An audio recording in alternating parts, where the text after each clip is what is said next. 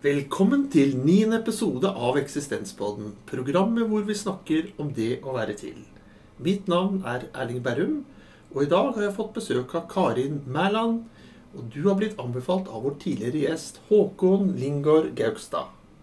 Først og fremst, takk for at du ville komme. Takk for invitasjonen. Eh, Så lurer jeg på om du kort kan beskrive deg selv med noen få ord. Jeg øhm, Ja, hvis du vil vite hva jeg, hva jeg driver med, eller hva, hva jeg gjør, så er jeg lege. Jobber deltid som lege. Så holder jeg på med filosofi. Studerer nå til master ved Blindern, Universitetet i Oslo. Um, så det er og Ja, så underviser jeg litt. Underviser litt i filosofi, spesielt eh, indisk filosofi eller yogafilosofi. Jeg har øhm, skrevet en bok om yogafilosofi som heter 'Yogafilosofi for hjertet'. Den har jeg skrevet sammen med Basil Lipska Larsen. Um,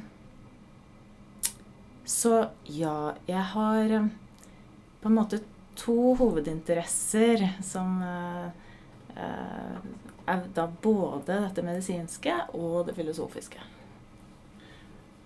Hva ved indisk filosofi er som interesserer deg?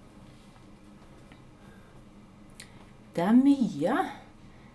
Eh, kanskje først og fremst det at filosofien deres er så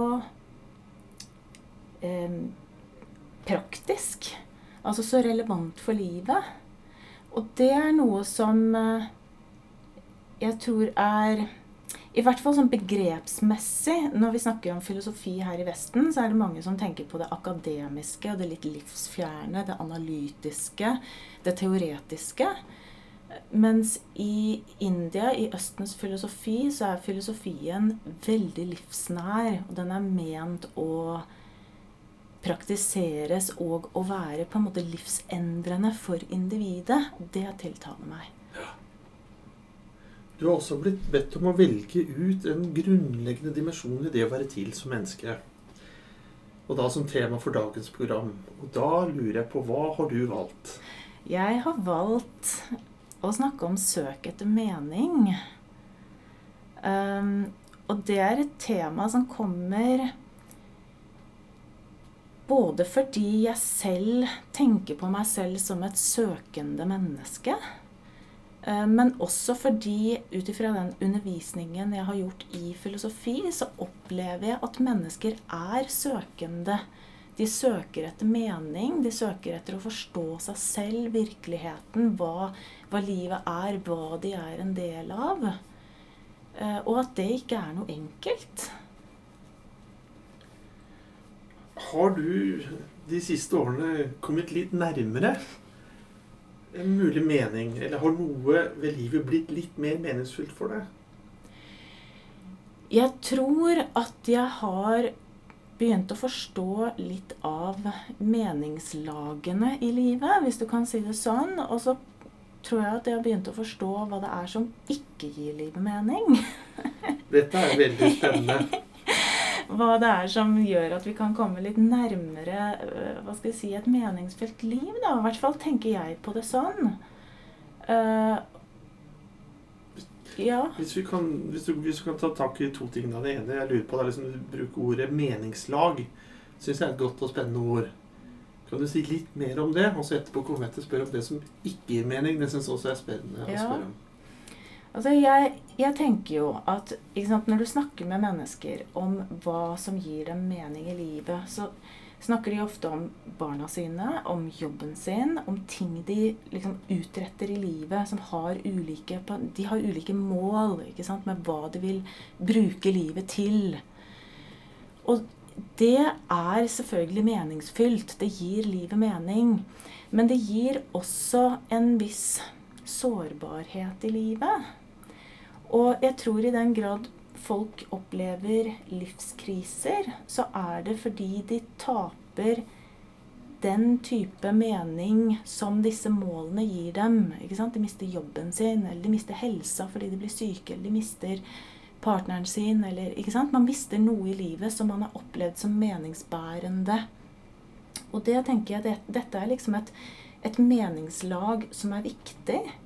Samtidig så tror jeg at når man opplever en sånn krise hvor man mister den type mening, så må man søke en enda dypere mening i livet som ligger under, og som knytter seg til livsopplevelsen som sådan. Altså bare det å være til. På en måte den veldig naive gleden over livet som du finner hos barn. ikke sant? Som aldri spør seg selv om hva er meningen med livet. For de er bare nysgjerrige og gledesfylte over livet og stiller seg ikke det spørsmålet. Så jeg tror at den dypeste meningen finner vi i den væren, den eksistensen, den opplevelsen av å være til. Og den er Den er dyp, og den er ikke så enkel å avdekke. Og jeg tror i den grad man finner frem til den, så finner man kanskje frem til den gjennom ulike kriser. Og jeg mener absolutt ikke å på en måte bagatellisere liksom, det som jeg kaller disse andre meningslagene i livet, sånn som det å ha en karriere eller jobb eller partner eller ikke sant, alt dette andre man søker i livet. Ja, det er kjempeviktig. Ja, det gir mening. Ja, vi trenger andre mennesker i livet vårt. Vi trenger relasjoner osv. Men jeg tror også at denne dypere meningen er noe underliggende som gir en sånn veldig hva skal vi si, en sånn voldsom stødighet da, i livet som gjør at når noe skjer i livet ditt, så lar du deg ikke så lett bikke på en måte. Altså, Vippe av pinnen eller blåse over ende. Eller, ikke sant? Du kan stå i stormer fordi at du har noe som er enda dypere, som gir deg mening. Kan det være innenfor din forståelsesramme å si at uh, den første type mening som du knytter til mål, at det, for, det, det, kan man si er liksom en betinget mening. Mens den dypere meningen er mer ubetinget. Ja, det tror jeg du kan si. Eh, mm. Og så kan du tenke at den betingede har jo da egentlig mer eh, har jo da begrenset varighet, mens den dypere den er jo ikke timelig på samme måte. Absolutt. Eh, og så tenker jeg også når du snakker om dette her med barn, knyttet til barn eh, Dalai Lama han, han kan jo opp, oppfattes som veldig barnslig. Og også Arne Næss på slutten av sitt liv. Ja, visst. Tror du det har noe med at de da har koblet seg på den dypere meningen da, som er mer ubetinget, og som er knyttet til den blotte væren? da? Jeg tror det. Jeg tror det. Og jeg tror at den si, litt naive gleden som du finner nettopp hos Dalai Lama og Arne Næss, det er en sånn erkjennelse av den lettheten i livet. Så ja, jeg tror også at si, de store filosofene som har på en måte erkjent dette, er ikke nødvendigvis de tunge, alvorlige og med de tyngste teoriene, men kanskje de um, som ser med, med, humor og letthet på livet, fordi at de på en måte har mistet den frykten for hva skal vi si, tingenes endring. da. Hvis vi tenker på å være filosofisk anlagt, og hvis man opptrer på den måten, da, så blir man ikke nødvendigvis tatt, på, tatt så veldig alvorlig. fordi man tenker jo gjerne at uh, de som er litt filosofiske, er mye mer alvorlige og dystre. Så, men du ser en mulighet til å koble både det å være filosofisk og munter. Ja, absolutt. Ja. Men det er også litt fra den indiske filosofien. Altså i, i indisk filosofi så kan du si at hensikten med en praksis, f.eks. en yogapraksis da, i vid forstand, ikke bare en, en, en, sånn fysisk yogapraksis, men en praksis hvor du fokuserer på å um, Å på en måte erkjenne deg selv, ikke sant, og, og forstå eh, liksom din indre verden. Eh, I en sånn type praksis så vil du også som en naturlig konsekvens oppleve at sinnet ditt blir mer naturlig gledesfylt. Så det er på en måte en konsekvens av praksisen, en konsekvens av en dypere forståelse av deg selv og virkeligheten og hvem du er. Jeg har ikke så, har ikke så god erfaring med yoga, men hvis jeg skal prøve meg litt utpå her, da, handler det noe om at man tømmer på en måte sinnet sitt for mye uvesentligheter. At det på den måten da blir mer rom for en, en gledesfylt opplevelse av livet. Du kan si det. Uh, en annen ikke sant? En klassisk definisjon av yoga, det er å bringe sinnets fluktuerende tilstander til ro. Og så kan man spørre seg ja, hva, hva er dette som fluktuerer? Vi i vår kultur, i Vesten, vi er veldig opptatt av tankenes betydning. Uh, vi, vi jeg tenker, altså er jeg, ikke sant, Descartes. Og um, vi har stor respekt for mennesker som tenker klart og logisk osv. Men tankene er også det som gjør at jeg fordømmer eller dømmer virkeligheten. ikke sant? Tankene mine er det som definerer virkeligheten for meg som enten bra eller dårlig. Det vil si at jeg ofte forholder meg til, helt ubevisst, men gjennom tankene så, bestem, så forholder jeg meg til virkeligheten gjennom begrepene mine og gjennom å klassifisere det som bra eller dårlig. Vil si gjennom ord og begreper istedenfor til virkeligheten selv som sådan. Ikke sant? Um, jeg forholder meg til den vakre solnedgangen istedenfor opplevelsen som er foran øynene mine. Men du, så du, du, hvis jeg forstår deg rett, da, du er åpen for at vi er noe mer enn språkdyr? Det er akkurat det.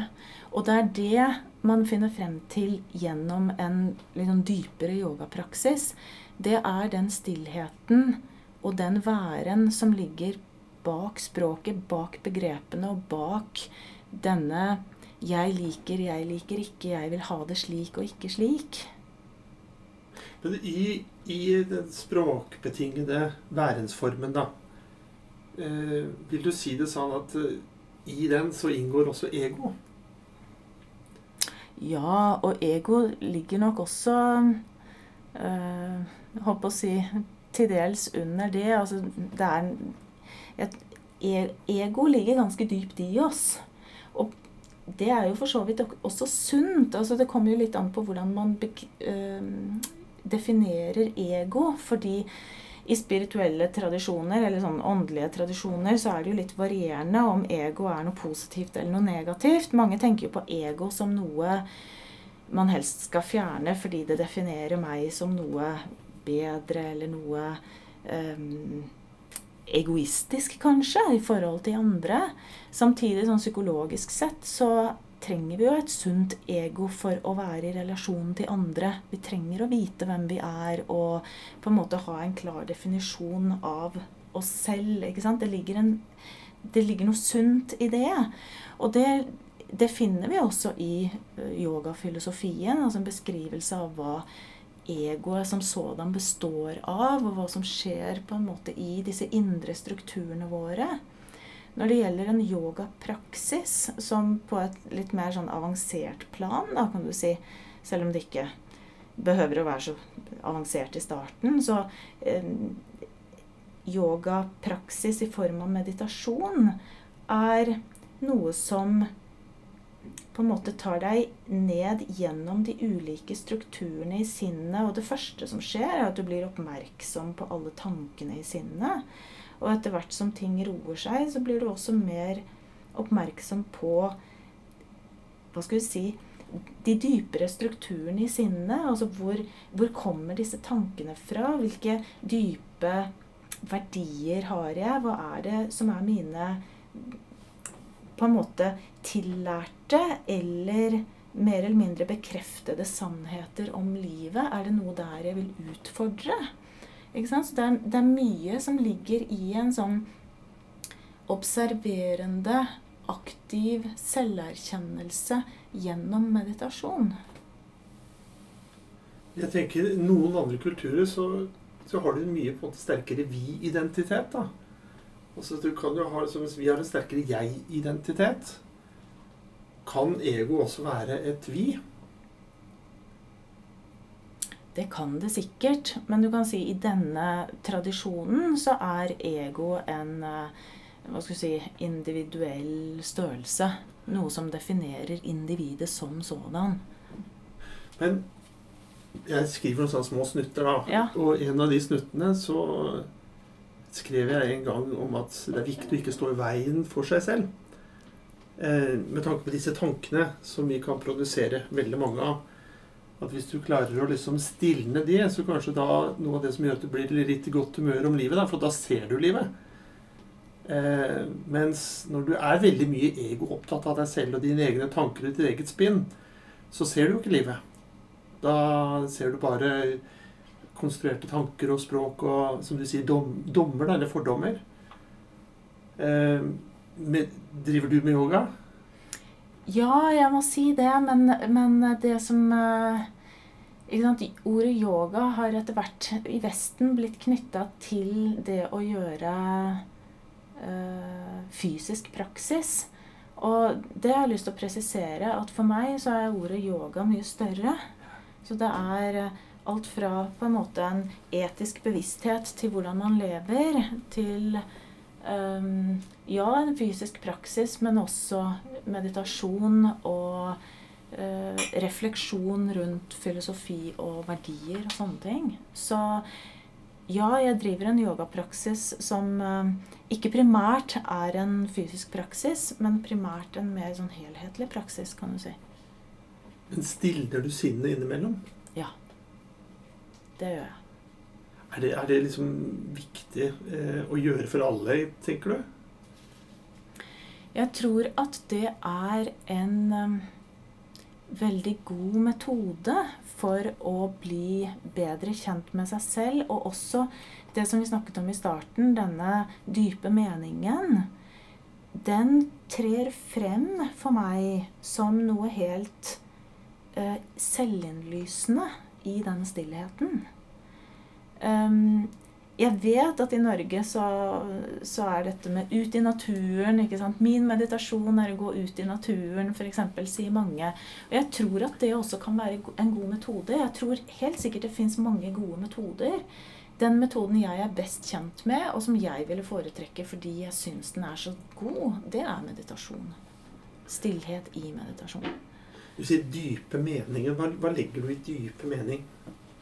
Det er hva skal si, det som vi snakket om i stad, dette med meningslag. For meg så ligger den dypeste mening i en enkel værensopplevelse som kommer i en stillhet, hvor man erkjenner at jeg er, jeg er til, og jeg lever, som ikke er på en måte Det, det bare er. Og hvor alle disse andre tingene kommer på en måte i tillegg. Vil si at de blir også meningsbærende, f.eks. relasjoner og jobb og slike ting. Også meningsbærende, men det aller dypeste meningsbærende for meg er denne værensopplevelsen, livsopplevelsen, som best erkjennes i stillhet. Og grunnen til at den best erkjennes i stillhet, det har med sinnet å gjøre. Altså hvordan sansene våre opplever virkeligheten. For når vi er opptatt med alt som skjer rundt oss hele tiden, så er det det som fyller oss. Mens eh, det å av og til koble alt det ut og bare være i stillhet, gir en større mulighet for å oppleve den stillheten som noe reelt. Har du vært borti noen sånn intethetsfilosofi? Nei. Hva tenker du på da? Nei, altså Hvis man tillegger også det å være intet, da, en eksistens, så Ja. har man da en eksistens, eksistens før livet. Ja. Som da gjør at det å oppleve å være til som intet er jo Det er jo herlig. ja, men tenk, jeg, jeg har jo vært eh, Før jeg ble født, så har jeg jo vært intet i en evighet. Og det skal jeg gå over til å bli. Og så har jeg et lite øyeblikk hvor jeg opplever det å være til. Ja, stemmer. Og da blir det i seg selv veldig meningsfylt og herlig. Bare den følelsen av å være. Ja, ja. For jeg er så vant til å ikke være. Nettopp. Da, men da går, beveger man seg litt over i sånn intethetsfilosofi. Da, så Jeg kjenner det faktisk igjen fra indisk filosofi. Jeg husker læreren min beskrev dette, den indiske Eller slik som man i sanskrit da, eh, definerer absence, eller fravær, så har man da fravær før noe eksisterer, fravær etter at noe eksisterer. ikke sant, Det du beskriver om før fødsel og etter død. Eh, og for så vidt også en sånn eh, fravær av Du er ikke meg, og jeg er ikke deg-type fravær, ikke sant. Eh, det er jo helt sikkert ikke det samme. Jeg har ikke studert det som du eh, refererer til. Det kan jeg ikke helt uttale meg om. Men um, intet Altså, i indisk filosofi I hvert fall i den filosofien altså, Vi pleier å kalle det uh, i Vesten ikke sant, hinduistisk filosofi. Men uh, hinduisme er jo mer et begrep som tilhører religionen. Jeg tenker filosofi mer som filosofiske begreper, kan du si.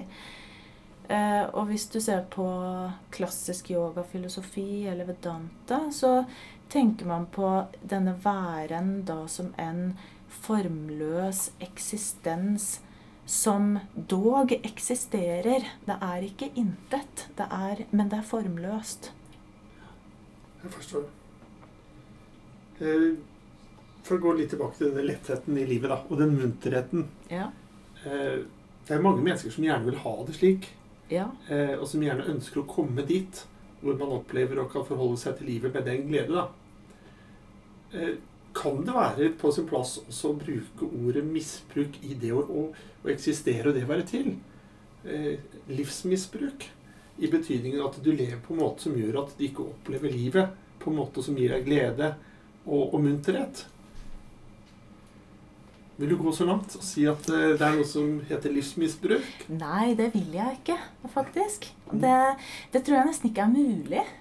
Jeg tenker at ethvert liv har um, berettigelse, fordi at det er på en måte den enkeltes valg hvordan man bruker det.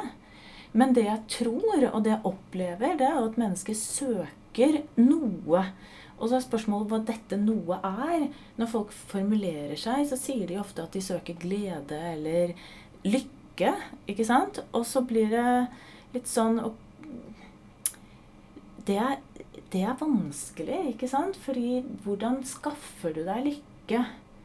Uh, ofte så tenker jeg at dette med mening er noe som er enklere å forholde seg til. Fordi å ha et meningsfylt liv kan også være lykkelig. Men det å primært søke lykke eller glede um, Da kan du også komme inn på hedonisme, ikke sant? Eller hva ikke sant? Nytelse og eh, noe som kanskje fortoner seg som rett og slett mindre meningsfylt. ikke sant? I hvert fall i lengden. Det er jo mye stor ståhei ute og går. syns, jeg syns jo det. Det lages mye bråk av, eh, av lite. Man gjør det veldig vanskelig noen ganger, da. Eh, I forhold til eh, det å kanskje da finne en dypere mening og være tilfreds med det. Ja. Man trenger jo ikke liksom all verdens med teknisk utstyr eller rikdom for å oppleve det. Nei, man gjør ikke det. Så mm. det syns jeg er litt rart, at vi eh, vi gjør veien til lykke så tilsynelatende lang og vanskelig. Ja. Eh, når den i utgangspunktet ikke trenger å være det. Absolutt. Men jeg tror også at vi av og til har eh, litt misvisende forventninger om hva det er som gjør oss lykkelige, eller som gir oss mening. Og at vi søker i litt feil retning. Eh, for sånn som du sier, det er eh, Det skal ikke så mye til for å oppleve mening, egentlig. Men vi er ofte opplært til at det er prestasjoner og hva skal vi si sosial status eller hva skal vi si altså den type um, hva skal vi si tilegnelser, nærmest. Altså hva vi gjør, hva vi har prestert, som gir oss mening og lykke. Um, mens ja, sånn som jeg sa, til en viss grad er det meningsgivende, men det fins dypere mening enn det. Men kan det også være eh, ulike typer fluktimpulser? Og liksom henge seg opp i annet og tro at annet er veien? Fordi det å forholde seg til, til stillhet og meditasjon det er ikke alle som trives veldig godt med det. Nei, og det er jo også et veldig godt uh, altså, Det hører jeg også veldig mange ganger. Og når jeg av og til underviser om dette med meditasjon, så sier folk at ja, jeg har prøvd, men jeg tror ikke det passer for meg. Jeg syns det var van veldig vanskelig. Um, og det å finne stillhet, det å være sammen med seg selv i stillhet, det er ikke noe enkelt. Jeg tror det å møte seg selv og virkelig se seg selv med sine ja, gode sider, men i stor grad også dårlige sider, sin egen skam, sin egen frykt, sin egen Ja, alle de tingene vi har sagt. ikke sant, Hvor, hvor på en måte ødelagte vi er, alle sammen. Hvor sårede vi er. ikke sant? Det å se på det, møte det, er ikke lett. Og jeg tror at litt av grunnen til at vi har så mye sånn eh, Hva skal vi si et, et, så raskt gående samfunn, ikke sant? hvor eh, vi leser aviser, og vi surfer på nettet, og vi eh, vi har så vanvittig mye aktiviteter hele tiden. Jeg tror du har rett i at det til dels også er en distraksjon fra oss selv. For det er mye ved oss selv som vi syns er vanskelig å se i øynene. Så dette med å finne mening, selv om det er meningsfylt, så er det ikke noe enkelt. For Du snakker liksom med utgangspunkt i, i, to ting som du har nevnt tidligere i dag. Det ene var dette med dypere mening gjennom å hengi seg til bare til å være til i seg selv. Og da vil jo på en måte man oppleve mye av eh, tilværelsen med letthet. Men da fungerer det. Men den derre tilværelsens utholdelige letthet som Milan Kundera liksom hadde så fantastisk fin tittel på boka si Hvis du mangler den dypere eh, meningen, da vil jo på en måte den lettheten med livet kanskje bli vanskeligere å forholde seg til å takle. Og da er det lettere å flykte. Absolutt. Absolutt. Og da blir den uutholdelig. ikke sant? Det er akkurat det den gjør. For er jo Vi er jo ikke egentlig Den lettheten, når den kommer gjennom meningstap, på en måte Det er jo det som blir beskrevet. ikke sant? At det blir uutholdelig. Um, så jeg, jeg tenker Det å erkjenne at livet er både gledesfullt og tragisk, og både godt og vondt.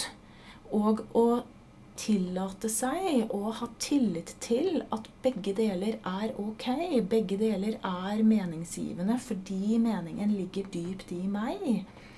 Da kan jeg da kan jeg være med på begge deler uten å på en måte tape meg selv i den enkelte opplevelse hvor jeg faller fra hverandre fordi, um, fordi det er tragisk, eller hvor livet har den absolutte mening av at jeg har um, opplevd å nå et mål, f.eks. Men hvor begge deler på en måte reflekterer noe som er underliggende. At dette er livet i sin, uh, i sin gang, på en måte. Dette er slik livet utfolder seg. Men vil du ikke ha med, hvis du er i den på en måte dypere meningen, vil ikke du da også på, gjennom det etablere litt avstand da, til det mer verdslige, uh, sosiale livet som vi lever? Derfor går du all in da i forhold til det å være der og, der og da i de følelsene du har der og da, når du samtidig har den dypere meningen og gjennomskuer noe av det? Vil ikke det være litt avstand, eller kanskje er det god avstand? Jeg vet ikke. Jeg tror det er både og. Jeg tror uh, du får et perspektiv på livet hvor du blir avslappa til det. Du blir mindre redd for livet fordi du vet at du allerede har en trygghet i deg selv. Um, og den tryggheten gjør at du kan tillate deg å ha tillit til livet og på en måte være med på den berg-og-dal-banen som livet er, fordi du vet at det ikke vil på en måte eh, gjøre at du mister deg selv i prosessen. Det høres jo veldig fornuftig ut. Det blir som du har et eh, tilholdssted, et hjemsted i deg selv. da. Når du er ute og lever, så vet du at du har et sted hvor på en måte i deg selv som du hele tiden kan komme tilbake til. Du er hjemme i deg selv. Ja, Ja. nettopp. At du, du har nettopp en trygghet i deg selv som gjør at du ikke må søke ut for trygghet, men at du kan gå ut med trygghet fra deg selv. Så ja, enig med deg. Det var gode avsluttende ord, men vi pleier alltid også å ha noen tips på slutten. Og temaet handler jo litt om å finne den der dypere meningen og tryggheten i seg selv, da, for å kunne ta med den ut i verden. Og da lurer jeg på om du har noen konkrete tips da, til lytterne våre. Hva kan de gjøre? Ja, for meg har jo meditasjon vært det verktøyet som eh, har vært nyttig. Og det skal ikke så mye til. Og det å sette seg ned i stillhet, enten med lukkede øyne eller ei, men i hvert fall i stillhet og stille seg selv spørsmålet Hvem er jeg? Hva vil jeg med livet mitt? Hva betyr noe for meg? Hvilke verdier har jeg? Bare å begynne å kontemplere litt over sin indre verden og møte seg selv. Det er en veldig god start. Ja, hva tenker du om det å i den prosessen når man sitter og stiller seg disse spørsmålene, etter hvert prøve også eh, å komme fram til mer sånn positiv tankeløshet? da, Det at man ikke bruker språk. Absolutt. At du, hvis du mediterer sånn Ops, nå tenkte jeg ikke med noen begreper, men jeg var her likevel de siste 20 sekundene, f.eks. Har du hatt sånne opplevelser? Absolutt. Og det er jo Jeg tenker første prosess er, å, er interessen for å komme dypere, eller for å vende oppmerksomheten innover. Og neste skritt er jo nettopp dette å begynne å finne et ordløst eh, ankerpunkt. Enten det er pusten eller et mantra eller et bilde av noe, et lys, hva det måtte være. Og fokusere på det, slik at sinnet får lov til å nettopp være stille. Det var fine ord igjen. Så da vil jeg takke deg for samtalen. Eh, takker også til lytterne for å ha fulgt oss den halvtimen. Vi høres igjen. Og inntil da, ha det bedre enn bra.